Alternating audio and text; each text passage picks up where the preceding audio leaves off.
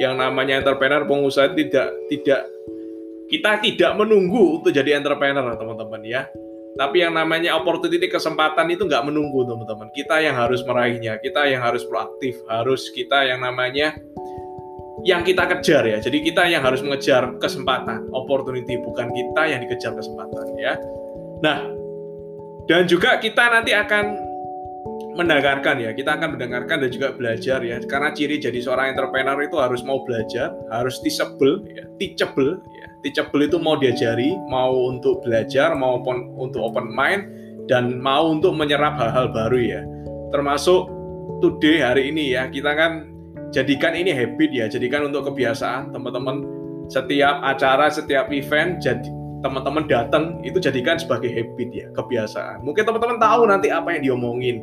Mungkin teman-teman nanti tahu oh nanti seperti ini seperti ini seperti ini. Tapi itu jadikan habit teman-teman. Itulah cara supaya mendidik kita menjadi seorang yang disiplin ya. Karena ini edukasi ya edukasi. Dan juga bagus ya buat kita mindset kita tetap positif kita tetap seger walaupun di sekeliling kita walaupun di luarnya kondisi mencekam, kondisinya negatif, banyak perusahaan yang tutup, banyak bisnis yang tutup, tapi di sini tetap kita fighting ya, tetap kita segar ya.